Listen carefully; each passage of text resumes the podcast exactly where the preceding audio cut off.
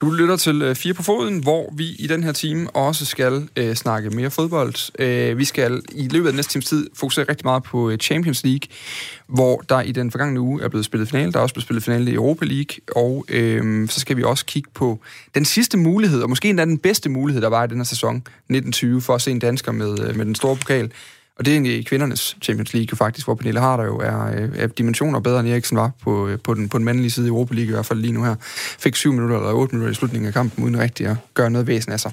Det er altså noget af det, vi skal igennem den næste times tid uh, her i Fiberfoden. Jeg hedder Dan Grønbæk, jeg er vært. Med i studiet har jeg Mads Asen og Tommy Beckmann, tidligere fodboldspillere begge to og øh, Anders Sten, nuværende fodboldjournalist, kan vi sige, den kan jeg ikke slutte nu. Jeg ved ikke, om den er lige så kort, som fodboldspillerne plejer at snakke om. Man skal huske at tjene sine penge på den, og, og gøre, få det maksimale ud af det, det At det håber jeg ikke, for der er ikke lige så mange penge i det, som at være fodboldspiller. Nej.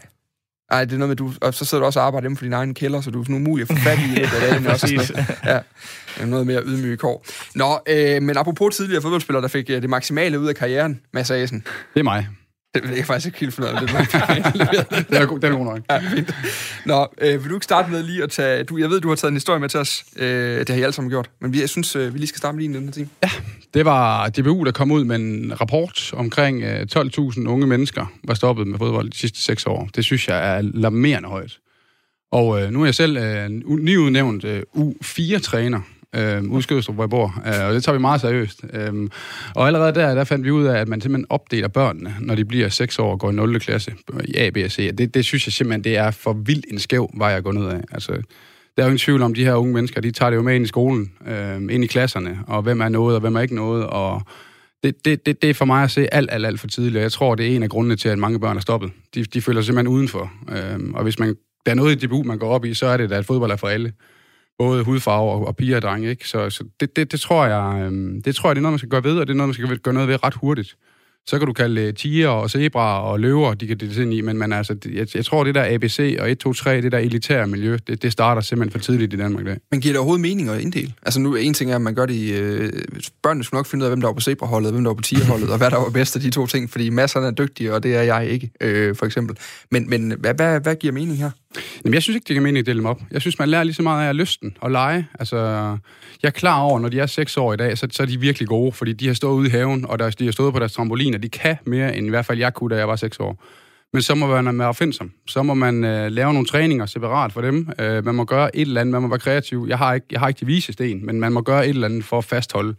Fordi sand for dyden, nu sagde du selv, jeg var ikke noget stort, stort talent, da jeg var, da jeg var yngre. Jeg var faktisk decideret elendigt. Du, du, var du på zebraholdet? Ja, jeg, jeg var på C-holdet i mange år i hvert fald. Men det var simpelthen lysten og kammeratskabet, der drev det til, at, at jeg synes, det var mega fedt at spille fodbold. Jeg valgte den der håndbold fra, som jeg måske tror, jeg var bedre til. Men det var fodbold, hvor mine kammerater var. Øhm, mm. Øhm, og det, det tror jeg, man skal passe på med, og især for DBU's side, øh, med topcenter, og jeg ved ikke hvad, når de er 10-12 år allerede nu. Ikke? Altså, det er klart, at man vil kunne fremavle nogen, der er gode til at blive endnu bedre, men jeg tror, det er mængden, der taber på det. Tommy Beckmann, jeg ved, at du også har øh, unger, og også var begyndt at øh, lege lidt med, øh, med at skulle træne og sådan nogle ting. Hvad, hvad tænker du? Giver det mening, det her? Jamen, jeg, jeg kan godt forstå det, fordi at jeg er også øh, træner for et, hvad, hvad det er, en U10-hold, og øh, altså, det, det, den er, der, der er sådan en, en, en svær deling, for jeg vil godt give det ret i, at man skal passe på med at ikke dele op for tidligt. Og, men nogle gange, altså man kan jo godt have en træning, hvor du langt hen ad vejen har fælles træning, og når det så kommer til sidst et eller andet noget spil eller noget, men der kan du godt dele lidt op, fordi det er også, når der så bliver spillet, hvis du har øh, nogle rigtig dygtige, der spiller sammen med nogle mindre dygtige, men så får de mindre dygtige ikke bolden, så kommer de hjem og har haft en træls oplevelse af det, så, så, så jeg vil godt give, jeg vil kunne give masser ret i, det er en forfærdelig en at stå med, for det er ikke altid lige let, og de vise sten tror jeg ikke helt er fundet endnu. Øh, der er selvfølgelig nogle retningslinjer, man kan gå efter, og så videre, og så videre, ikke? men den er svær. Jeg, jeg har selv været U14-træner i en, øh, i, i en klub i Nordjylland. Øh, ikke en af de store, det var ikke på et seriøst niveau, men, men har alligevel prøvet at arbejde med et første og et andet hold. Og der var de, altså ja, de der 13-14 år, så er de ikke mindst selv meget bevidste om, hvor gode de er, også hvor gode markerne er, og ikke mindst, hvor gode man gerne skulle være om 3-4 år. Og det, der så gør det rigtig giftigt, det er, at det er forældrene også. Mm. De er meget bevidste om, hvor gode deres børn er, og, og hvad de burde få ud af træningen. Hvor, hvor langt op, og, fordi sam, samtidig så, så når man også et punkt der som 14, hvor man siger, der, der er nogen, der skal udfordres mere end andre. Altså, der er også nogen, der skal, netop, øh, du er inde på det her med oplevelserne. Altså, hvis man har prøvet at være, nu har jeg prøvet at være tredjeholdsspiller hele vejen op igennem ungdommen, og hvis man en dag kommer til sådan en træning, hvor der er for mange syge, og man skal træne med førsteholdet, så ved man udmærket godt, det bliver, det bliver en lang halvanden time, det her, det gør ikke. Altså, fordi hver eneste man får bolden, så fucker man op, og så er der nogen, der råber en, og så er det bare træls igen. Hvor langt op skal man, skal man prøve at holde delingen væk? Altså, hvor langt op skal det være leg, og hvornår skal man begynde at indføre fodbold som sådan en, også en mere kompetitiv ting? Hasen? Ja, men, men, men er det er klubberne, topklubberne, må de ikke, må de ikke plukke, når de er 12-13 år? Jeg mener, det, jeg ved i hvert fald, OB, de Nå, samler før. første gang i Ja, U13. okay, Det okay. har i hvert fald været hele tiden. Jeg synes, så længe de er i moderklubberne, skal man prøve at holde dem samlet øh, så lang tid som overhovedet muligt. Og jeg tror, du er inde på noget af det rigtige. Jeg tror, forældretræner, det er noget af det værste, der nogensinde er opfundet. Jeg ved godt, at det, de bærer brand til bålet, for de vil gerne, og de har typisk lyst, og de har også forstanden. Men det er der, klikkerne bliver dannet. Øh, jeg, jeg så i søndags, var jeg ude at se øh, naboen spille, øh, han er 6 år, og der, der hørte jeg simpelthen en af dem sige, lad være med at spille, nu siger jeg bare, øh, Anders hed han, lad være med at spille ham, for han scorer ikke alligevel. Og der, der, det- der, der var sgu noget inde, der, der græd lidt. Ikke? Altså, de her seks år øh, går, går med den tanke om, at vi skal vinde, og vi må ikke, vi, hvis vi spiller ham, så bliver der ikke mål. Øh, et andet eksempel var simpelthen, at der var en, han har scoret efter første kamp, og han kunne lige så godt stoppe, fordi det var, det var det, det gik ud på. Han har scoret. Han kunne sige, at jeg er på skolen i morgen, jeg, jeg har scoret et mål. Og der var tre kampe tilbage, ikke? og han gad ikke spille forsvaret. I øvrigt. øh, så var seks år, altså helt ærligt, nu kommer du i gang. Øh, men, men, og det, jeg, ved, jeg ved ikke, hvornår man, skal, hvornår man skal til at opdele, og hvornår man skal lade være. Det, det, må være. det må være trænerne og formændene i de respektive klubbers vigtigste opgave at dufte til, hvornår, hvornår kan den her gruppe tåle, og hvornår kan de ikke. Fordi det, det, folk udvikler sig forskelligt. Nogle er høje, nogle er små, nogle er tykke, nogle er tynde, nogle kan løbe hurtigt, nogle kan ikke løbe hurtigt. Altså, det, det sker gradvist. Øh, især i puberteten går det rigtig stærkt, ikke? Så det, Mm. det er først der, man sådan rigtig ser, hvem der er det store talent. Lige sidst, øh, I to, hvor tidligt kan man spotte, om en spiller har potentiale til det helt store? Det, kan, det, det tror jeg, du kan meget, meget sent, fordi som, som Mads er inde på, øh, spillere udvikler sig bare så du forskelligt. siger sent, ikke? Jo, meget Ja, sent. ja. Ja, meget, meget sent. Fordi at, ja, ja, der er nogle spillere, de, de skyder i vejret. Og i fodbold, der betyder størrelse bare mm. noget. I ungdomsfodbold betyder størrelse næsten alt. Fordi hvis du er stor, er du oftest også hurtig. Og i de unge år, jo hurtigere og jo større du er, jamen, så kan du mose de små spillere. Så kan det godt være, at de små spillere de er teknisk dygtige.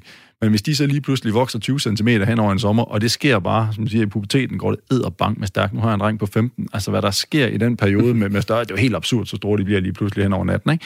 Og det kan bare rykke en spiller så meget, så det er us- svært at, at, at spotte. Det er jo der, du skal kigge, når du kigger på skydets spot talenter. Jamen, jo, der er en spiller, han er stor, han vinder han smadrer alle i den her overgang her, men hvorfor gør han det? Er det fordi, han er bare stor og hurtig, og han er ekstraordinært hurtig, som kan være en force, når han bliver voksen? Eller, eller er, er, det, er det udelukkende på grund af hans, hans fysik, som han alligevel vil miste, når han bliver voksen, fordi der er andre lige så store? Det er jo det, det, er det der er finten, og at kunne spotte nogen, der rent øh, teknisk også er dygtige, og som, som har mere end bare en størrelse. Mm. Men det er der jo taget råd for med de her future-landshold, hvor man fra, er det, er det fra juli og til december, de her små spillere, de får deres eget landshold. Fordi man tror på landsholdet, der er der to eller tre fra, fra det første halve år øh, af året, ikke? Mm. Dem, de skal sgu nok nå det. Undskyld mig. De, de skal nok blive til noget. Det er mere bredden. Jeg, jeg, jeg er meget interesseret i dem her, som ikke lige klarer sig fra, at de er simpelthen så vildt at sige seks år, og så frem til puberteten. Hvordan sikrer vi os, at alle når der frem til, at fodbold det er bare det fedeste i hele verden, uanset inddeling eller, eller aldersgrupper. Det, det, det synes jeg virkelig er et spændende emne. Og også et emne, vi øh, kommer til at lave mere om. Jeg ved, at vi faktisk havde en aftale med Ben Clausen på DBU i sidste uge på Sportsugen, men der øh, kom lige en kviklåns øh, lov i vejen, for at han kom med i programmet. Så den kommer vi til at kigge mere på, også i, i det her format i fremtiden, fordi det er jo også en af de store stridspladser i de her år, det er, hvor tidligt man kan plukke. Jeg tror faktisk, det var Randers, der også øh, for noget tid siden, Randers FC, som udvidede, hvor, altså deres, øh, hvor langt de gik ned i årgangene for at finde de kommende øh, øh, lyseblå. Så det bliver, det bliver spændende at, at se, hvor det, hvor det bærer sig henad. Du lytter til 4 på foden på Radio 4. Hvor meget øh, kvindefodbold har I fået set den seneste sæson, de har? Altså Ikke live noget. eller, eller i tv. Og du må gerne tage begge dele med. Jeg tænker, at live øh, 10 minutter. giver ikke mening. 10 minutter, ja. Øh, Jeg tror, det var 10 minutter mere end mig. Så er der i hvert fald mulighed for det nu, fordi der er Champions League de kommende dage. Vi skal kigge nærmere på kvindernes Champions League, der er nået frem til semifinalerne, og øh, det skal vi gøre sammen med øh, Anela Muminovic. Goddag, Anela. Goddag. Vi kan lige, jeg kan lige starte med at lave en lille intro, fordi jeg har ikke set så meget, men til gengæld så har jeg læst rigtig meget, fordi jeg synes, det var meget underligt, at, øh, at man alle sammen talte om, at nu var fodboldsæsonen endelig forbi den her længste nogensinde, og så kunne jeg se, at der var europæiske topkampe på kvindesiden øh, den næste uges tid. Vi kan lige sige, at Wolfsburg og Pernille Harder, de har ryddet alle modstanderbanen i kvartfinalen mod Glasgow. Øh, de skal i morgen tirsdag op mod Barcelona, og i den anden semifinal, der møder PSG og øh, Nadia Nadim, de franske øh, Champions League-mester, faktisk regerende fra, øh, fra Lyon. Og Nela Mujinovic, hun er freelance journalist, øh, kommentator, og øh, nok også den journalist her i landet med bedst indblik i øh, kvindefodbold. Øhm, nå, øh, Anela Mujinovic, Lyon, PSG, Wolfsburg og Barcelona i semifinalerne. Øh, øh vil du ikke starte med at rise holdene op over for hinanden for os øh, helt uvidende? Hvad, hvad er det for nogle hold, og hvad er det for en type fodbold, der bliver spillet? Jamen, jeg kan starte med øh, Paris Saint-Germain, fordi du glemte faktisk en dansker. Vi har, øh, vi har to danskere i, øh, i PSG. Du nævner Nadia Nadim, som selvfølgelig er sådan en, en ret stor stjerne, ikke bare i Danmark, men faktisk også i, i verden. Men uh, Signe Brun, hun uh, spiller altså også for, uh, for PSG, og hun blev faktisk også matchvinder for øh, Paris Saint-Germain i deres øh, kvartfinale. Så, øh, så lad os starte med dem. Altså, det, er, øh, det er et hold, som, som har bygget rimelig meget på i de seneste, i de seneste sæsoner. Vi ser jo flere og flere af de her herreklubber, der har sat sig på øh, kvindefodbolden, og PSG er altså et af dem. Og, og det er et hold, som møder rimelig stor modstand i den franske liga. Ikke på grund af, at der er mange gode hold, men der er et suverænt hold, og det er selvfølgelig øh, Lyon, som har været alt dominerende i europæisk fodbold og vundet de seneste fire øh, Champions League-trofæer. Mm. Men de seneste sæsoner, der har de faktisk kommet tættere og tættere på Lyon, og, øh, og i den her sæson, som blev aflyst på grund af corona, der var de faktisk kun øh, tre point efter den på, på andenpladsen, og har spillet øh, lige op med dem i pokalfinalen, hvor det blev til, øh, til et nederlag på straffespark. Så, så det, det er et hold, der er på vej frem, og der er sindssygt mange, sindssygt mange gode profiler på det her hold, men det er også et ung hold. Øhm, så, så hvis de vinder det her, vil det, blive en, øh, vil det være en overraskelse, men, men der, der er en klar en realistisk mulighed, når de til hverdag kan spille op mod, øh, mod Lyon. Øh, øh, jeg skal ikke sidde og lave undskyldninger for mig selv her i radioen, men jeg skal bare lige sige, senere nede i mit manus står der faktisk under PSG Lyon-kampen, at danske Signe Brun scorede i kvartfinalen. Så den er med. Det var en øh, journalistisk vinkling i, i, i oplægget lige at snakke med Nadia Nadim, men jeg tror måske, at øh, den fortalelse var et ret godt udtryk for, hvordan, øh, hvor meget mange desværre ved om, øh, om kvindefodbold.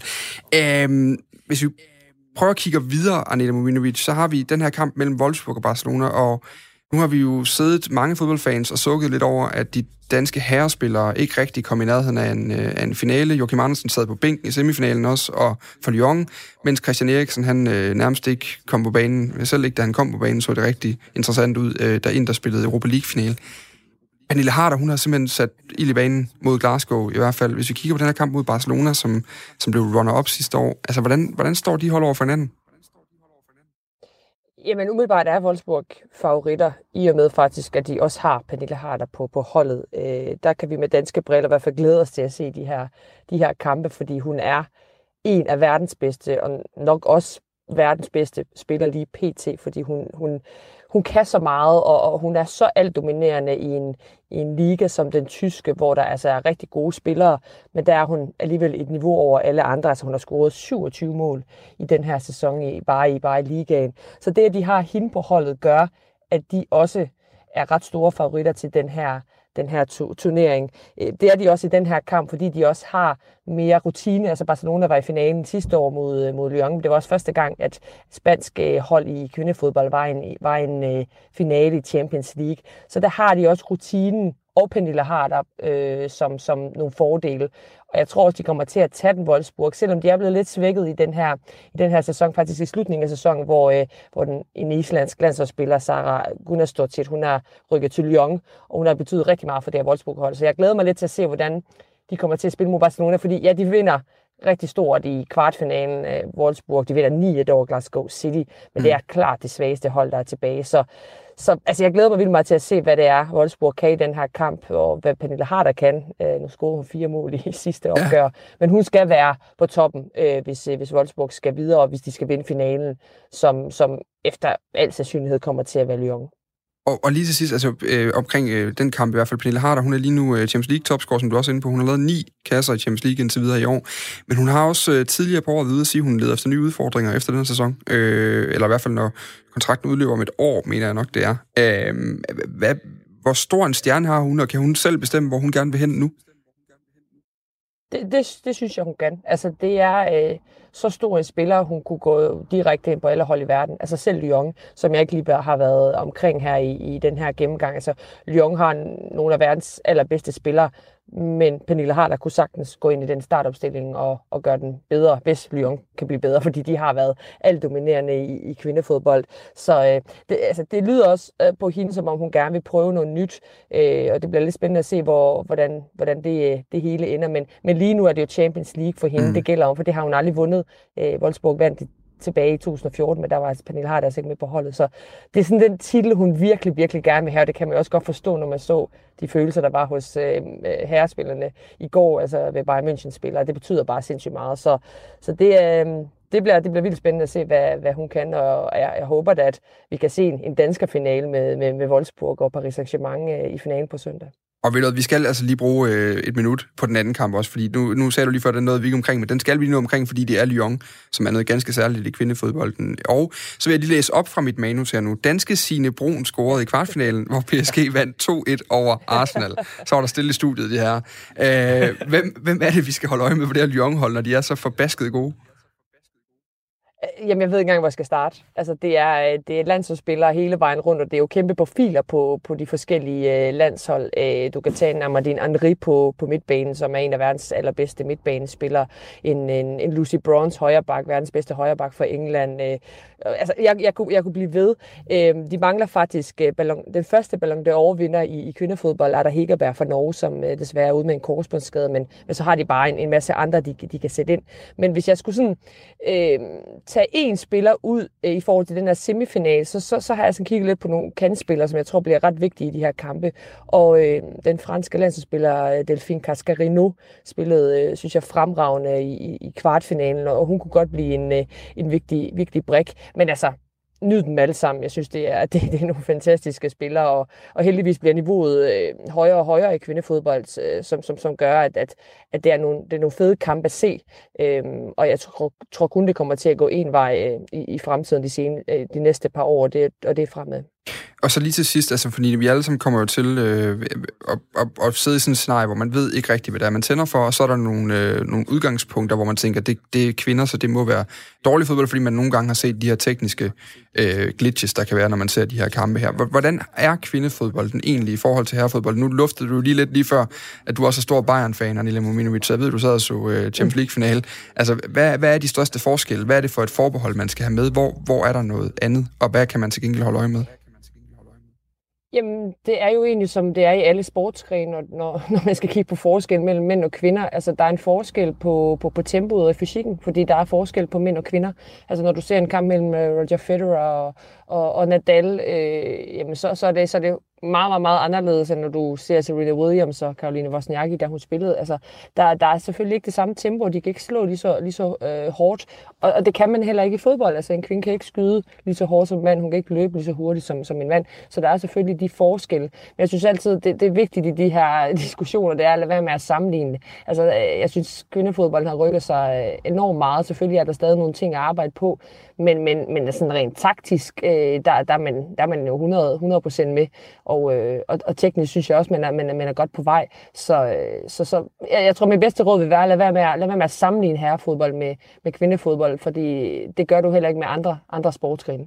Men altså, tag og kig. Det kan øh, i de her tider, hvor vi er efterhånden vendet os til, at der er gode kampe hele tiden. Så øh, jeg, jeg kommer i hvert fald til at kigge med. Det bliver, det bliver nu, det skal have den gode chance i bunden. Lad være med at sidde og nikke på den der måde, Mads Nu udleverer jeg dig, fordi du griner mig lige før.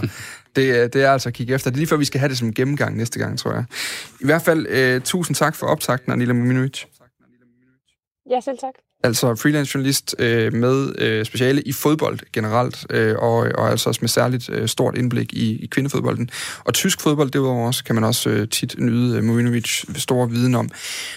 Og så skal vi faktisk øh, lige til næste emne, som, som kan starte lidt på samme måde, fordi øh, jeg har et tweet her foran mig, som faktisk er fra Anela Mourinhovic, som skriver, det bedste hold i Europa vinder den største europæiske klubturnering. Så enkelt kan det egentlig være nogle gange. Det har fået rigtig, rigtig mange øh, likes ind på Twitter. Det var altså oven på øh, Bayern Münchens sejr i Champions League over PSG. Øh, en kamp, der blev spillet i, i aftes øh, på Estadio da Luz. Øh, Kingsley Coman kom til PSG, som meget, meget ung. Så spiller han der i nogle år. Så tager han hvornår lige vinde mest enkelt mesterskab med PSG, som 16-17-årig, tror jeg. Og så tager han først Juventus, vinder lige mesterskab der, smutter til Bayern, og så har han bare vundet mesterskaber lige siden. Han har, øh, jeg tror, det er 20 titler i en alder af 24 år nu. Og det blev simpelthen ham, der øh, blev skæbnen til uni, da han øh, afgjorde det for, for Bayern mod PSG i, i går. Øhm, Tom Beckmann, lad os bare starte fra den af. Hvad hæftede du dig mest med ved den her kamp? At der kun blev skudt et mål. Jeg tror faktisk, noget, det var noget af det, der overraskede mig mest. Øh, jeg troede, det skulle være en, en, en kamp med afsindig mange mål. Jeg synes også, der var chancer til flere i hvert fald. Øh, men jeg synes, det var en god kamp. Nu, jeg, jeg var underholdt. Øh, man kunne godt se, at PSG havde set Bayern Münchens semifinal mod Lyon, den måde, de, øh, de greb tingene an på Lyon. Øh, de prøvede lidt at kopiere meget af det, øh, og de lykkedes egentlig også godt med det. Jeg tror, at PSG, hvis de kigger på, på kampens forløb, og de chancer, de ligesom kom frem til, og, og, og det antal chancer, de gav væk, så tror jeg, de vil være tilfredse øh, med, med, med det. Men man kan selvfølgelig sige, at der er skarphed manglet. Øh, Mbappé, Neymar, misset foran mål. Jeg synes altså, de spillede en god kamp ud over det, men mm. man måler angriber på mål, og, og der, der var de ikke skarpe i den kamp. Men jeg, jeg synes, det var en, en, en, en fodboldkamp på højt niveau. Det var fedt at se to hold, der bare vil op og presse. Altså, der var ikke nogen af holdene, der stillede sig tilbage, øh, udover hvis de blev spillet ud af presset, men så, så kryb de sammen og trak sig tilbage. Men begge hold pressede højt, gik op og angreb øh, i modstanderens felt ved målspark. Så på den måde var der ingen form for pindsvin i fodbold i, i en finale, hvor man altså nogle gange godt kan frygte, at det kan blive lidt, øh, lidt låst, og det var det på ingen måde. Jeg synes, øh, noget af det, jeg også lagde mærke til ved Bayerns hold, det var, at man at øh, det var mere, det var, det var den her, altså man sad jo godt vidst hele tiden, at det, der kunne ske, det var, at var bare en først lag trykket, så lagde de trykket, og så på et eller andet tidspunkt, så kunne det gå galt, hvis øh, den der fronttrio for PSG fik, øh, fik for meget plads og for mange muligheder. Øh, de havde også mulighederne til at gøre noget. Men, men, men blev det så overbevisende, som mange havde bygget det op til at være, at det her det blev noget, Bayern skulle køre hjem? De har været meget tunge favoritter igennem hele slutspillet også, Asen. Ja, altså det var jo... Det, jeg synes, hvis der skal være den vinder, der var, så var det fortjent. Øh, jeg var øhm, vold, voldsomt imponeret over Bayerns styrke. Altså den mod, det mod, de havde til at stå så højt, selv, med, selv at tænker ud og Syge kommer ind, som jo ikke er den hurtigste forsvar. De stod bare højt hele kampen, fuldstændig ligeglade. Til det sidste minut, øh, i sparspillen i rummet, så tager Nøjer den, ellers så løber vi op. Altså, de var iskolde. Det synes jeg bare var fedt, og det viser bare den måde, de spiller på. Det er den måde, de tror på. Så øhm, jeg ved ikke, om de var suveræne. Tommy har jo ret i, at specielt øh, Mbappé har jo en kæmpe chance, hvor han, hvor han så lidt fryser foran målet, og scorer han der, så er kampen jo en helt anden. Øh, jeg er så ikke enig i, at Neymar spiller en god kamp. Jeg synes, han spiller godt indtil de scorer, og så bliver det sådan lidt et one-man-show for ham, at han skal redde hele verden, drible rundt ud på sidelinjen. Jeg synes, det var, det var næsten en fornærmelse at se, at, at han sådan på den måde næsten giver op. Øh, men jeg synes, overordnet set, så var Bayern bare fuldstændig suveræn. Altså, de skifter to, to kanter efter 68, så kommer Coutinho og Pettis ind, så har de andre, han har godt nok lige scoret, Kuman, ikke, men han bliver bare hævet ud, han er død. Øh, Goretzka og Müller spiller de der to otterpladser. De løber bare. Müller han ligner en, der skal ud efter 55 minutter, men han fortsætter bare. Altså, det, det er sådan en maskine, du kan putte ham ind i. Ikke? Man kan jo sige, hvad kan han? Han kan jo ikke ret meget. Man kan, han er bare effektiv, ikke? Holdspiller. Og det er det, jeg synes, der er ved Bayern München. De, de, de spiller for holdet. Det er tydeligt at se. De har, ikke, de, de har selvfølgelig en stjerne, Lewandowski, men, men det er et stort hold. Det, det, det er tydeligt, det skinner igennem. Ja, er det dybest set det, at man... Fordi alle hylder jo Møller i de her dage. Altså, det er jo, der er jo, øh, det er jo det, sådan, det der mani, der nærmest foregår på sociale medier og sådan noget. Det er ham, der ligesom bliver øh, fremhævet som, som stjernen i det hele. Men jeg har jo en lidt samme indtryk til dig, Mads. Altså, jeg kan ikke lige... Det er jo ikke, fordi han har de der særlige... Han har de der løb i feltet. Altså, han, de sene løb i feltet, der lander han bare i den rigtige position, stort set hver eneste gang. Men, men, men er han et eller andet sted bare et eksempel på, hvad det er, bare han er så god til det? Ja, det synes jeg, det er et udmærket eksempel. Øhm, fordi øh, Müller fungerer også i kraft af, af den måde, han virker på holdet. Øhm, og, og, og selvom, som vi er inde på, det er også nogle store stjerner i Bayern München, så er det også bare et godt hold. Altså, de, de spiller rigtig godt sammen, både når de forsvarer og når de angriber. Øhm, og, og det synes jeg også er forskellen på de to øh, finalehold, altså, hvor jeg har indtryk af, at, at PSG er, er lidt mere øh, 11 øh, individuelle spillere, og især et, et par profiler, som er rigtig gode øh, hver især, øh, så fungerer Bayern München rigtig godt som, som, som enhed øh, spillemæssigt. Det, det vil jeg godt give, give ret i, at, at som enhed har jeg også fornemmelsen af, at Bayern fungerer øh, bedre end PSG. Men jeg synes, at det PSG-hold, vi har set i, efter coronapausen her, har været mere et hold, end det har været tidligere.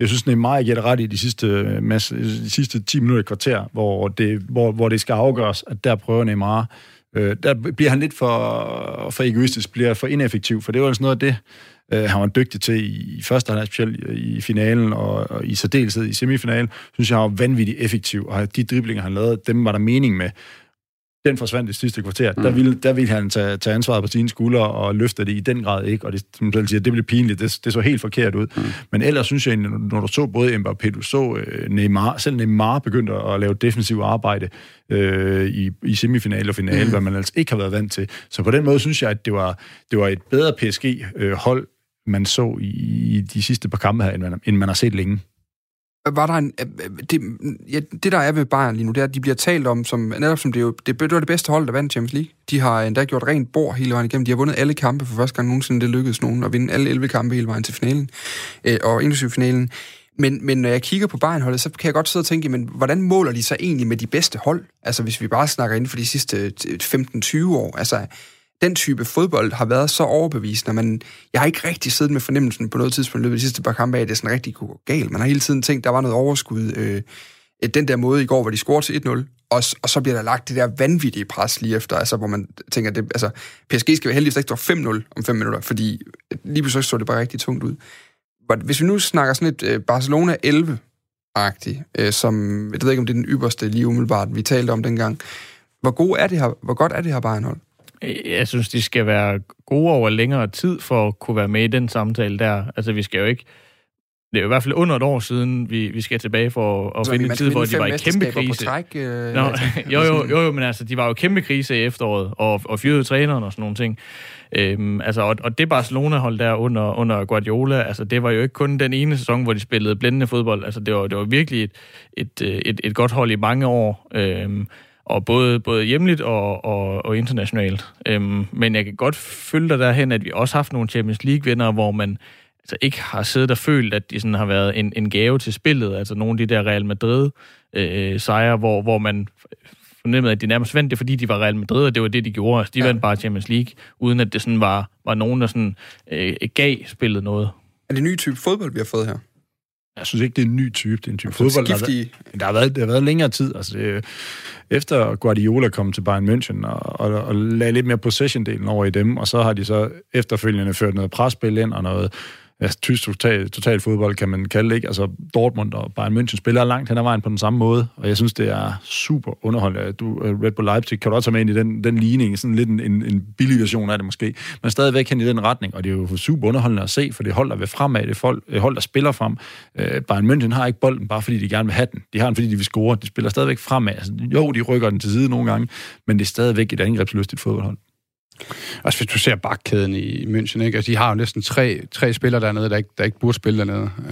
Uh, Alaba spiller jo er blevet en af de bedste centerbacks i verden, ikke lige pludselig, og ham uh, David, hvad hedder han? Altså, Alfonso, Alfonso David, ja. ja. Uh, skulle jo også lægge som kant, ikke? Men, men de, det har de bare formået at løse.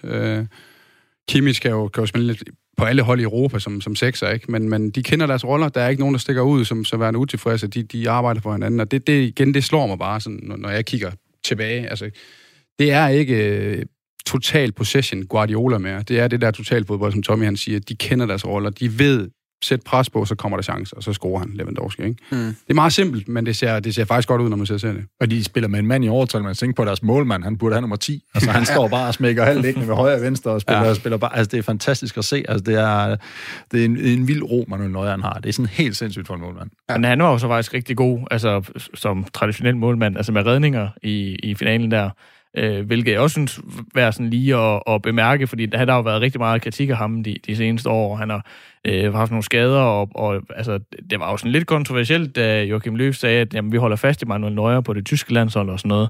Øh, men, Over Manuel til Stegen fra, fra Barcelona. Øh, ja, Marc André. Ja, Mark André. Oh, ja. Hvorfor siger Manuel det? Nøje, det hedder ja. Manuel selvfølgelig. Ja. Øhm, øh, ja, så det vil jeg bare slå et slag for, fordi jeg synes, at det var ligesom, det var ligesom Manuel Neuers... Øh, comeback. Øh, ja, ja, mm. comeback mm. på, på toppen, og ligesom markere og sige, jamen, jeg er her stadigvæk.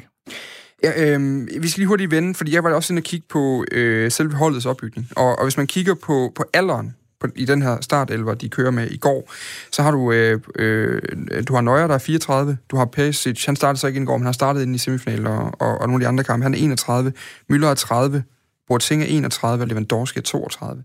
Ellers så er det spillere i hvis ikke den er deres bedste fodboldalder, så i hvert fald et par år før, og så, så har du så de helt ekstreme i, i en Davies, der ikke engang er fyldt 20 endnu, i en øh, Coman, han er 24, og stadig bare en Nabri er også øh, meget ung stadigvæk. Øh, Kimmich spiller jo også som en gammel mand, men, men, men er også meget ung. Altså, er det her et Bayern-hold, der kommer til at dominere de kommende år europæisk også?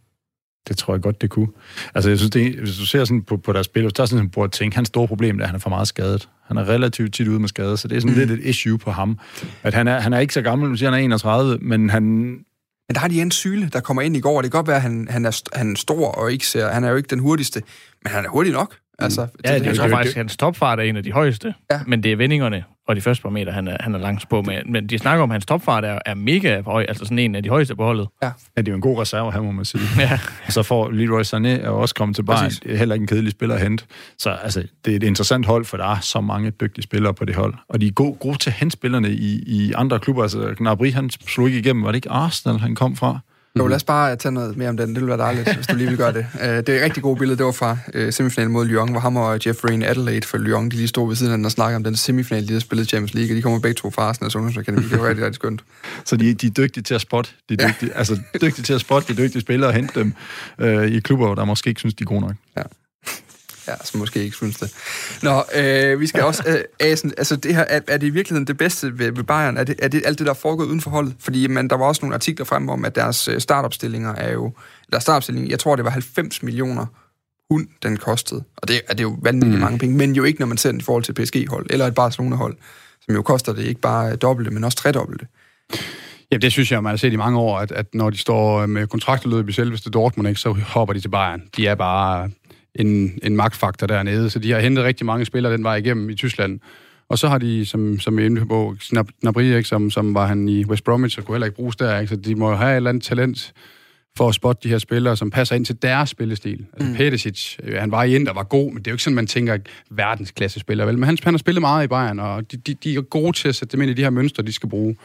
Coutinho øhm, er jo næsten ind som marginalspiller, ikke? men sikkert er en spiller at kunne sætte ind på et hold. Jeg ved godt, han har lejet og, ja. og forsvinder sikkert nu. Ikke? Øhm, Goretzka er stadigvæk ung. Øh, vanvittig boks-til-boks-spiller, ikke? Kan, kan jo fandme løbe solens over, undskyld banner. Øhm, så det er de gode til, øh, at finde de dygtige spillere til de billige penge, øh, og så de passer ind. Det har Bayern også bare den fordel, at i Tyskland, jamen der er Bayern München, det er bare overalt. Altså det er de største med afstand. Altså der er nogle enkelte spillere, en Toni Kroos røg til Real Madrid øh, fra München, men ellers så er det sjældent, du ser nogle, nogle tyskere i hvert fald smut for Bayern München, for der er, det, det fås ikke større. Du kan se fra Schalke, det er trods alt en, en, en konkurrent til Bayern München, der skifter Neuer til Bayern München. Det er meget kon- på en eller anden måde kontroversielt, men det er også bare et symbol på, hvor store Bayern München er. De henter i Dortmund, de henter spillere i de største klubber i Tyskland, fordi de, der er ingen, der kan måle sig med Bayern München dernede. Alle store drøm i Tyskland, det er at spille for Bayern München. Og nu er de lige hentet en ny Neuer. I, Ja, i, Nybel. ja, præcis. Øh, som nok ikke kommer til at spille i de næste to-tre år, fordi Neuer er der. Men altså, det lever han bare med. Det er bare Bayern. Og igen på en fri transfer. Ja. Der Ja. ryger ikke en, øh, ingen krone Nej. i stedet for ham. Eller det er i hvert fald ikke ud over de der øh, udviklingsmidler. En lille sjov detalje omkring det med prisen er også, at øh, Coutinho alene kostede Barcelona 120 millioner øh, øh, euro, mener jeg på det tidspunkt, eller 120 millioner pund, hvor, øh, hvad hedder det, at, øh, at Bayerns øh, startelver altså kostede de 90. Og så, 120. og, og så koster det faktisk lidt ekstra, fordi han vandt Champions League Ja. med Bayern. så kan han få lov til at aflevere det ekstra. Det, er helt fantastisk. Det er skønt. Nå, øh, jeg kunne godt tænke mig lige til sidst lige snakke om, men, øh, hvis man nu som ikke har set kampen endnu, og kun lige har tid til at se, øh, se, se få øh, highlights, hvad skal man gå ind og se? Hvad var det bedste i kampen? Jeg synes, der sker meget omkring igen de to kanter, der bliver skiftet. Øh, Jeg synes også, der er... øh, Jeg, jeg er meget modstander af det der var der, men der er sådan en lille ting omkring øh, Mbappé, omkring 72, hvor han får sådan et, måske spark, ikke spark fra, fra Kimmich, som nu sad jeg så den på 3 Plus med Carsten Werner og Michael Laud. De, jeg tror ikke, de opdager det. Jeg tror, de, de, de vader lige hen over den. Der er sådan et, et lille bitte kontakt, hvor man kan sige, hvis man har været rigtig panitten nede i Italien, så har man kigget den rigtig godt igennem. Mm. Og det kunne også godt være straffespark. Jeg synes, der sker noget omkring der, øh, lige de der 5-7 minutter fra, fra 65 til 72. Beckmann, hvad vil du øh, starte med at, at bede folk om at kigge på? Jeg synes, der var mange tunneller i den kamp. jeg vil gerne rose for, der var flere, flere fine tunneller. Øh, Jeg tror faktisk, Alfonso Davids får et par stykker af Di Maria, så jeg synes, der var nogle, nogle fine, fine små tunneller. Det er altid godt at se. Ja, Den. Fisker du efter en, Jeg fisker en helt bestemt helt afdeling? Ja, jeg, kan godt, jeg kan godt mærke det. øh, jamen, jeg kan dårligt nok huske, hvem det var, men det ved jeg, du kan. Ja, 14 minutter. Øh, Paredes, der øh, bryder en bold, og så på første gang. Altså, det er en, en relativt hård bold, der bliver spillet op i banen ned fra Bayerns forsvar. Og hans første berøring, det er bare at knalde den i en sådan perfekt øh, kvart cirkel over i venstre side over til Mbappé, der så brænder en chance derovre. Men det det, var det, det, skete flere gange, at så snart de råber bolden, så bliver der sendt en bold afsted. de der første gangs afleveringer. Det er... Ja, det var flot. Det var Ja. flot at se. Udmærket. Vi går videre til den øh, anden finale. Du lytter til Radio 4. Det gør du øh, nemlig, som øh, Erik Rasmussen siger her. Og øh, anden finale, der var noget mere knald på fra start af. Øh, Sevilla, de øh, vinder kampen 3-2. Man har lyst til at sige selvfølgelig, og det er sådan en kliché, der efter den er opbygget. Omkring Sevilla, øh, de har øh, vundet øh, Europa League øh, seks gange over de sidste 14 år. Øh, blandt andet tre gange i træk i 14, 15 og 16. Men de slår altså ind den her gang. Øh, det bliver den øh, helt og dels øh, usandsynlige held, Luke de Jong, øh, som laver to mål. Øh, det ene øh, hovedstadsmål var øh, noget af det bedste, jeg nogensinde har set, tror jeg. Øh, han hætter den ind fra øh, over ved bagstolpen, øh, efter at blevet ramt bagest i feltet på et frispark. Men øh, hvad er det, fordi jeg synes, vi kan, vi kan sagtens gå igennem hele kampen og sådan noget, det er sådan en rigtig Chubank-kamp, man skal gå ind og se den ganske enkelt, fordi der er også smæk på hele vejen igennem, men, men der er mange, der er ude at sige, at Sevilla, de er specialister i Europa League. Det her, det, var, det er bare det, de kan. De er sindssygt gode til det. Hvad er det, de kan? Hvordan bliver man specialister i Europa League? Det skal du ringe og, spørge, ringe og spørge mig om i Sevilla. Jamen, altså, hvad, er det, hvad er det, de kan, der gør, det ligger så godt til dem, det der? Øh, Jeg, jeg så et, et, et interview med deres tidligere spiller Kroke, som, som sådan talte om, at, at øh, Sevilla havde udviklet sådan et, et kærlighedsforhold til, til den turnering der. Altså og sådan lidt, og dermed sagde, at det var sådan blevet en del af, af Sevillas øh, sådan klubhistorie, at, at øh, der var nogle store øjeblikke, som klubben havde oplevet i den turnering, og dermed kommer det sådan til at fylde meget, Øhm, og, og det, er sådan, altså det er vigtigt for klubben at være god i den turnering, og, og man vil gerne satse på turneringen. Øhm, så på den måde tror jeg også, at det får sådan en eller anden selvforstærkende effekt. Altså sådan lidt, lidt ligesom Champions League øh, er Real Madrids turnering. Øh, nu er vi også inde på før, de, de vandt den, var det, var det tre ud af fire år, øhm, eller fire ud af fem måske lige frem, mm. øhm, uden at de nødvendigvis følte som, at de var det bedste hold i Europa i, i den periode.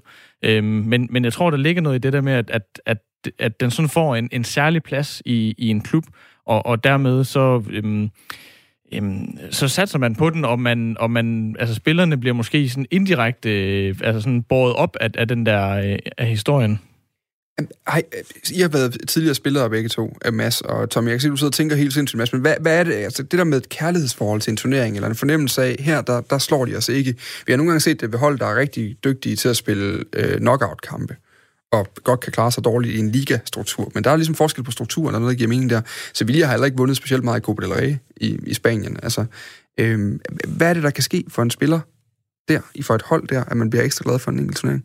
Har, har I prøvet det? Jeg, jeg ved ikke, om der er noget, sådan, noget for en enkelt turnering. Mads, altså, jeg skal sige til lytterne, Mads, han sidder helt... Jeg sidder og undrer mig over, om man kan, om man kan, om man kan, om simpelthen er noget i kulturen, for der må jo være sket en ud, udskiftning i truppen, ikke? Altså, hvordan kan man nedarve, altså, den der forståelse for, at det her, det er næsten vigtigere. Det er selvfølgelig en nem vej til, til Champions League, hvis de bliver så gode, de kan vinde den hver, hver halve år, hver anden år, ja. og så ryger de Champions League. Men tror, tror du ikke, at der kan være en form for selvtillid i det?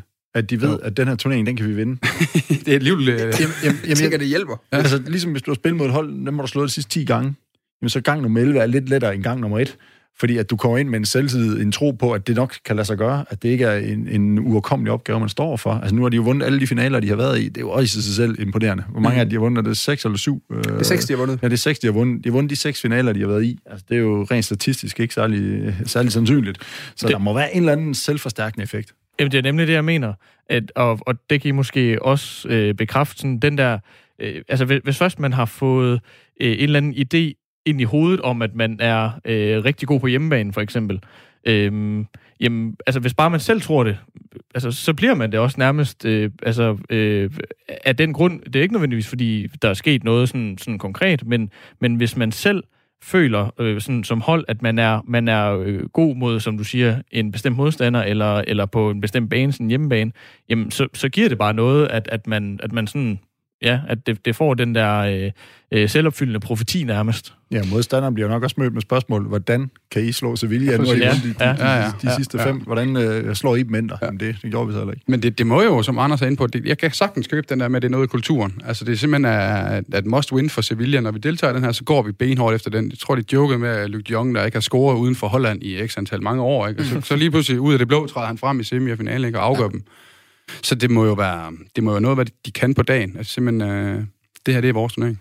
Og hvis vi er lidt kyniske, så kan vi måske også sige, at, at Sevilla har et niveau, hvor, hvor, altså, hvor de ikke er gode nok til at vinde Champions League, men hvor de sådan lige præcis holder sig på det niveau, hvor man er god nok til at vinde Europa League. Ja, og det, det var så det næste, fordi nu har de, der er store profiler, i hvert fald en af de store profiler, Eva Banega, han smutter øh, her til sommer, eller her efter sæsonen er det jo så, skal til Saudi-Arabien og spille fodbold øh, de sidste år af sin karriere. Hvad, hvad er Sevilla for et hold? Altså, for nu spiller de Champions League igen næste år, og så kan de jo næsten håbe på, at de ryger ud i gruppespillet, så de kommer over og spille Europa League igen. men men, men hvad- altså, hvad, er det, hvad skal der til for sådan et hold kan tage næste skridt? Fordi det tyder jo på, at de er sindssygt godt indstillet til at spille den her type turnering, når de på den måde kan, kan, kan dominere øh, den lillebroren, kan man sige, europæisk. Ja, altså, de, de bliver vel sidet hårdt, hvis de kommer i Champions League, ikke? Og bliver parret med nogle af de store. Mm. Øhm, og der skal bare mere til. Altså, der kan man ikke forvente, at de Jong, han skal shine i hver kamp. øh, Banega, hvis han, han smutter, ikke? Ellers så, så er det jo sådan lidt, jeg vil ikke sige profilløst, men man har hentet Navas, ikke, som spiller højre bak nu, og det, de, jeg kan bare se ham over for Mbappé, det, det vil nok ikke gå så skide godt i længden i hvert fald. Øh, så det, det, kræver, det kræver en større indsats, tror jeg, hvis det er den turnering, man vil op og gå efter. Men altså, de er vel et, ret baseret et top 4 hold i Spanien, ikke? Det er jo i sig selv meget, meget godt. I henhold til seeding, så tror jeg faktisk, de bliver seedet i første lag. Gør det det? Fordi de ryger med med Champions League-vinderne og første anden pladsen i England og sådan noget, tror jeg. Så, så i gruppen kommer de til at være første okay. seed, hvis man kan sige det sådan, men der, man, man må også sige Champions League, som den er i dag. altså, det er jo anden, tredje seedet, de er også dygtige, og det er fjerde seedet for den sags skyld også. Så, så, så det bliver svært. Og, altså, igen, det er jo ikke en af topklubberne i Europa på, på den hylde. Der er det på Europa League-hylden, og det er et, et, et stort skridt op, for der er godt nok mange klubber foran dem i køen, før de står i en, en Champions League-finale. Mm. Der er til gengæld en vild detalje. Ham, uh, Dio Carlos, han formår simpelthen at lave ja, straffespark, straffespark ja. Fra kvartfinale til semifinale til finale. Han laver tre straffespark i de sidste tre kampe. Det synes jeg er godt gået. Ah, og så det han med at afgøre finalen ja, og så gør på han det saksespark ja, næsten. Ja, næsten. Lukaku bliver ja, noteret for det. Men ja. det, det er simpelthen vildt, at man kan slippe afsted. Øh, ja. At, jeg tror, hvis jeg har ikke begået det i min karriere, Anders, så tror jeg på et eller andet tidspunkt, at det var, kammerat, nu... nu øh. Så er det awesome and not so awesome. Yes, så er det ude til byen med dig igen nu. Men, men hvad, som forsvarsspiller, hvad tænker man, når man har lavet det både kvartfinale og semifinale? Jo, men altså dem, dem han laver, den, den han laver på, ikke nu kan Det er sådan nogle kluntede nu. Ja, men han springer i en af dem. Ja. Det, det er Rashford, hvor ja. han simpelthen springer ind i ham, efter han har afsluttet, hvor jeg bare tænker, hvad det ind i feltet, det, det er godt nok kompromilløst. Men det er måske spilleren, han er. Det har ikke sat mig godt nok ind i, øh, men, men, men jeg tror, han har fået meget ros. Han har været, været rygtet til, til en 3-4 Premier League-klubber, ikke? Ja. så han må have gjort sig bemærket dernede. Men, men det er godt nok en, en hård spillestil, han kører. Jamen også fordi, nu, som jeg husker den mod, mod Lukaku, er det ikke ham, han trækker den imod? Jo. Jo, som jeg husker det, så er det sådan noget halvt bagfra, og der ser vanvittigt klumpet ud, hvor man tænker... Fordi han bliver overløbet af Lukaku. Det er ikke engang Asen, der laver den. Nej, nej, nej. nej. Saven, Jamen, jeg kan godt sætte mig ind i, at man vil, vil vinde duellen. Det ja. kan jeg sagtens sætte mig ind i, men man trækker den ind i, ind i strafsparkspillet, så uh, i hvert fald når vi når Sevilla-hylden, så burde man have tænkt sig om, at det er måske bedre, at han får en spidsvinkel afslut fra, end han får straffe. Ja. Og jeg risikerer at ryge ud. Nu ved jeg godt, at han får et gult kun, men der, der, der kan man måske ja, øh, hans intelligens der er måske ikke så høj som på det allerøverste hylde. Nej. Øh, vi skal også lige vende det modsatte hold, fordi øh, Inter har haft en fremragende sæson på rigtig mange parametre. Øh, faktisk været en reel øh, udfordrer sammen med Lazio i, øh, i Italien langt hen ad vejen. Øh, Lukaku, øh, Martinez op foran har været fantastiske. Øh, men, men det interessante er jo også med Christian Eriksen, øh, som jo er endt i sådan en åndssvag situation, fordi han både ligger rent sportsligt, ikke passer så godt ind på et hold, og så er han også blevet et øh, politisk emne ind der nu, øh, hvor Conte ligesom, han er et af hans største argumenter for, at ledelsen ikke støtter ham ved, at de har købt Christian Eriksen. Øh, Christian Eriksen kommer ind med få minutter tilbage, og spiller jo helt anonymt, fuldstændig. Øh, og det, man kan også argumentere for, at det er svært at komme ind på det tidspunkt og skal gøre noget. Hvad, hvad, hvad skal han gøre, Christian øh, Eriksen? Passer han ind på det her interhold, som de spiller lige nu? Han skal væk hurtigst muligt. Altså alle de kampe, jeg har set, der har det været den måde at spille på hele vejen igennem. Det går for langsomt, og han ligger positioneret forkert hele tiden. Øhm, jeg synes generelt, Inter spiller meget langsomt, øh, og det, det, det gør jo, at hullerne til ham bliver, bliver meget små og lukket. Typisk øh, i Tottenham var der jo meget mere tempo, ikke? Og der var jo altid nogle huller til ham.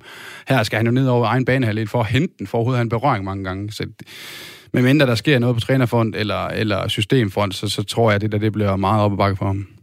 Fordi, hvordan spiller Inter, Tommy? Altså, når du ser dem spille sådan en kamp som den her, hvad, hvad, fordi jeg kan, jeg kan godt som lægmand have meget svært ved at forstå, at en så dygtig fodboldspiller som Christian Eriksen ikke bare kan tilpasse sig alting. Altså, han er så dygtig med bolden, han er så dygtig til at positionere sig også normalt, synes jeg, uden bolden, så han står i de rigtige huller og kan modtage den og både vende med den, men også være en hurtig opspilstation eller eller slå de lange pasninger.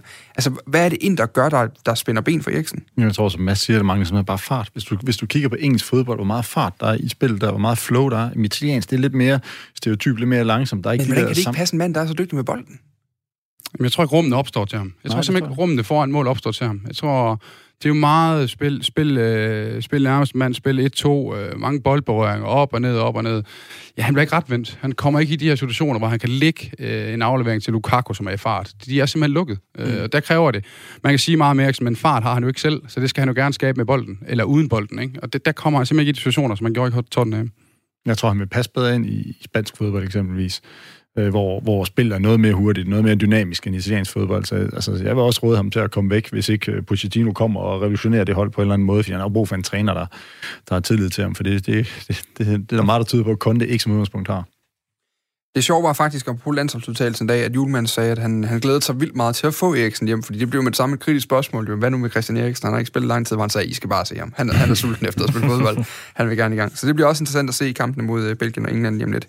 Vi slutter snakken om Europa League af med en, øh, med en lille quiz. Fordi da Diego Godin scorer for Inter, der bliver han øh, medlem af en eksklusiv klub. Der er kun fem andre spillere, som igennem tiden har scoret i både Europa League-finalen og Champions League-finalen. I får lov til at komme med nogle gæt.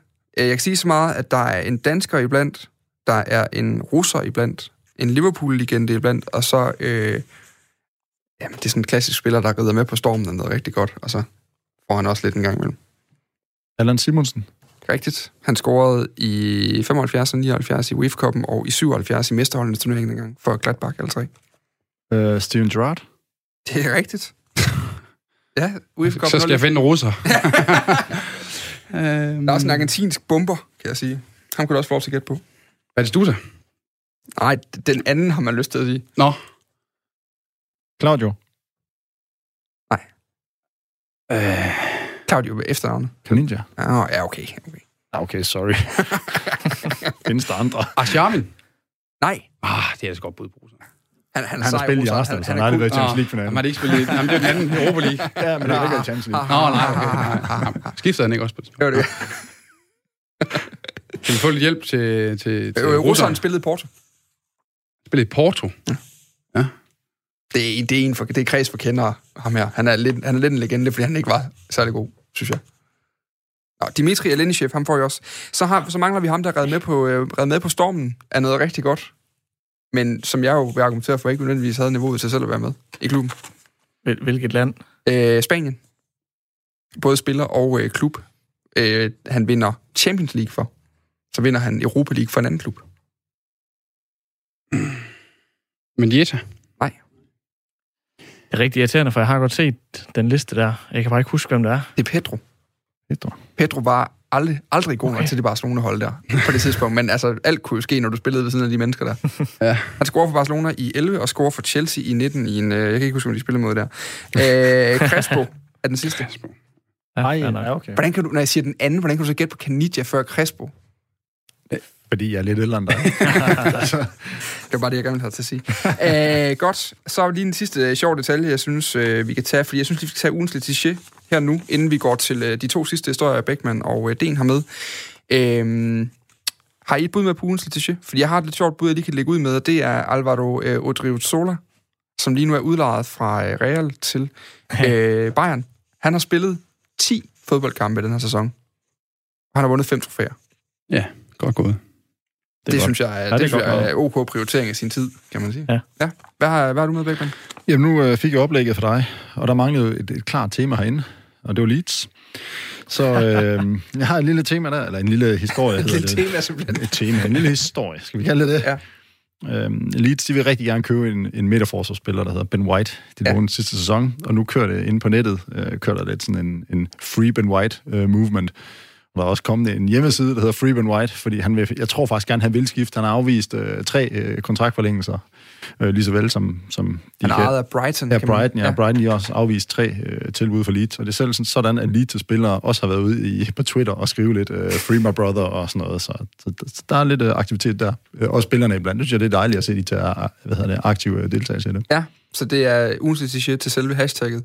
Ja. Free Ben White. Free ja, Ben White. modtaget. Den, hvad er du med til ugens letiché? Jeg har Jesus Navas med, som øh, er født i Sevilla og opvokset, kom til klubben Sevilla i 2000, debuterede i 2003, vandt UEFA-koppen med klubben i 6 og 7, så var han i øh, Manchester City en periode. Han blev også verdensmester og europamester med Spanien i øvrigt. Øh, I mellemtiden var han i Manchester City en periode, og kom så til retur til øh, Sevilla i 2017, og så var han så med til at vinde Europa League her forleden dag, hvor han lagde op til et af målene. Det synes jeg var, var en fin, øh, hvad hedder sådan, en fin karrierevej, altså for, for en mand, der vender tilbage til, til sin barndomsklub og, og sin fødeby, og, og er med til at, og, og fejre en, en stor triumf for dem. En urimelig tung fjervægter. Han er, han er en af de mindste fodboldspillere, jeg nogensinde har set. Ja, det må han være, men også hurtigste, da han var på, på, ja. på toppen. Det er også et godt bud. Asen, har du noget med til ugens? Den er simpelthen sprunget over i dag. Jeg havde ikke fundet nogen, der var relevante nok, så jeg vil meget hellere de historier, de to her, de har med. Godt. Vi skal lige have afgjort. Så får du lov til at afgøre den. Du kan have noget bud med selv. Vi har øh, Odriozola over for øh, Jesus Navas over for øh, et eller andet hashtag for Leeds. Nej, det bliver Anders Stens fornemme detektivarbejde på. Jesus Navas. Jeg tror ikke, du har vundet ugens kliché nu, Tom Beckmann. Det, det skal vi nok råde både på. Det skal du i hvert fald kigge nogle andre steder end Facebook fremover. Nå, øh, Twitter. Twitter. så start, slutter vi med historierne. Der er lige fem minutter tilbage, så vi har lige et par minutter til hver. Det er en, hvad har du med til os, som du lagde mærke til i ugen? Jamen, øh, jeg havde faktisk forberedt, forberedt to øh, af frygt for, at den ene dem blev taget, og så ender det med, at, at du tager dem begge to her i løbet af, af time 2. Nå. Øhm, den ene, det var, det var at, at Allan Simonsen var en af, af, de øh, seks, der, der havde scoret i både UEFA Cup, Europa League og, og, og Champions League øh, finaler. Øh, og den anden, det var, øh, øh, hvad hedder han, øh, matchvinderen fra Champions League-finalen. Nå, øh, Coman. Coman, ja. ja øh, hvor jeg bare, jeg synes bare, det var, det var godt at se, at, at øh, PSG, som har brugt alle de her penge på at, at, at sammensætte et, et verdenshold, øh, og, så, og for at vinde Champions League, det er jo det, der er hele formålet med, med PSG, så kommer de endelig i finalen, og så er det et af deres, øh, øh, hvad hedder det, sådan øh, forkastede ungdomstalenter, der, øh, der, øh, der nakker dem. Det, ja, det synes jeg var en, en, en, en, en øh, skæbnens juni øh, på, på fin vis. Ja, det var det også også. Nå, Beckmann, så får du faktisk mulighed for at komme ind med din historie i dag. Mange tak. Du har, øh, du har, du har næsten tre minutter også. Ja, tak er for ingenting. Tak for ingenting. Der er god tid. Jamen, nu skal du høre. Jeg, ja. jeg står lige her og tænker lidt og, og forbereder lidt på noget nu her. Fordi nu har vi kørt lidt på, at Bayern München, at de altid bare henter spillere gratis fra de andre klubber, og de er sådan lidt, øh, hvad skal vi sige, øh, bare ja, hapser Ja. øh, billige spillere fra, fra Bundesligaen. Altså, det er ikke en ny historie, det er lidt en gammel historie, men oven på det, vi har stået og snakket om i dag med, at, at Bayern München, de bare... Øh, ja, det, det, det, det kan godt komme frem, som om de bare ja, sætter, sætter snab ned i kassen hos de andre ja. klubber, og så suger alt ud. De har faktisk... Øh, Bayern München, de hjalp faktisk Dortmund, da de var ved at gå konkurs øh, års tilbage. Så lånte de øh, Dortmund penge. Øh, de smed Hummels op til Dortmund. Han er faktisk Bayern øh, München-spiller øh, i sin tid, inden han kom til Dortmund øh, første gang. Øh, og det var blandt andet også en del af den gave, de gav til Dortmund, for at de ikke øh, gik konkurs. Så øh, vi skal ikke gøre til Bayern München til, til en værre øh, klub, end end det nu er. Øh, så lige, lige lidt positiv øh, vinde, den var jo også en rent øh, økonomisk og socialt ansvarligt i forhold til Bundesligaen. Jamen, den vil jeg også gerne give. Altså også fordi, jeg synes, det der er imponerende ved Bayern, det er jo også, at øh, når man kigger ned over det hold, og den måde, de ligesom... Altså, de har den der majestatiske ting over sig, også europæisk set.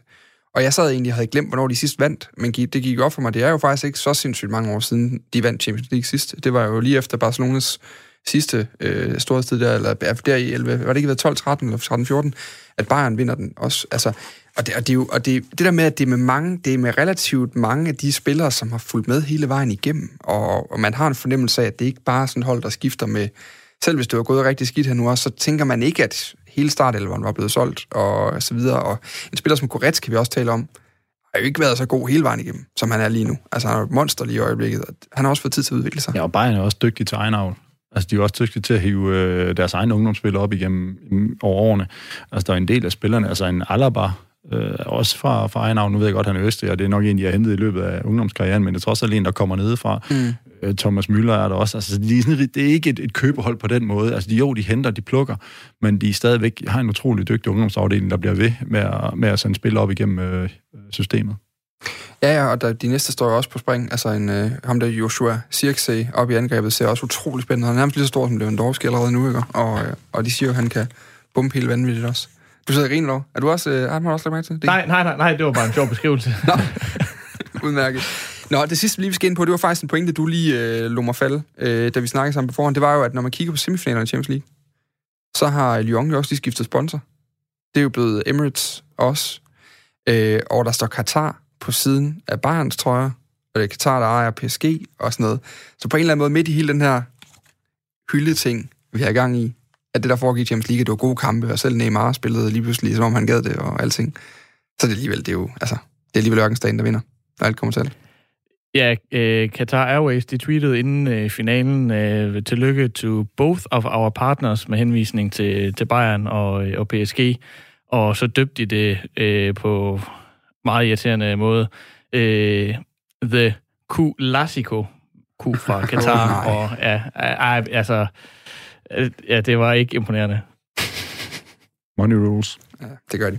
Uanset hvad, vi fik en fin fodboldkamp, og øh, inden så længe faktisk øh, på onsdag, der begynder AS Midtjylland-kampagnen øh, forud for den nye øh, sæson. De skal en tur til øh, Bulgarien og spille mod Ludo Gorets, for forhåbentlig at komme i næste sæsons øh, Champions League. Det bliver spændende at se, om øh, de når dertil. Tak for det, Anders Sten. Selv tak. Tak for det, Mads Asen. Selv tak. Tak for det, Tommy Bækman. Selv tak. Og jeg er tilbage i næste uge, øh, mandag kl. 17, med mere Fire på Foden.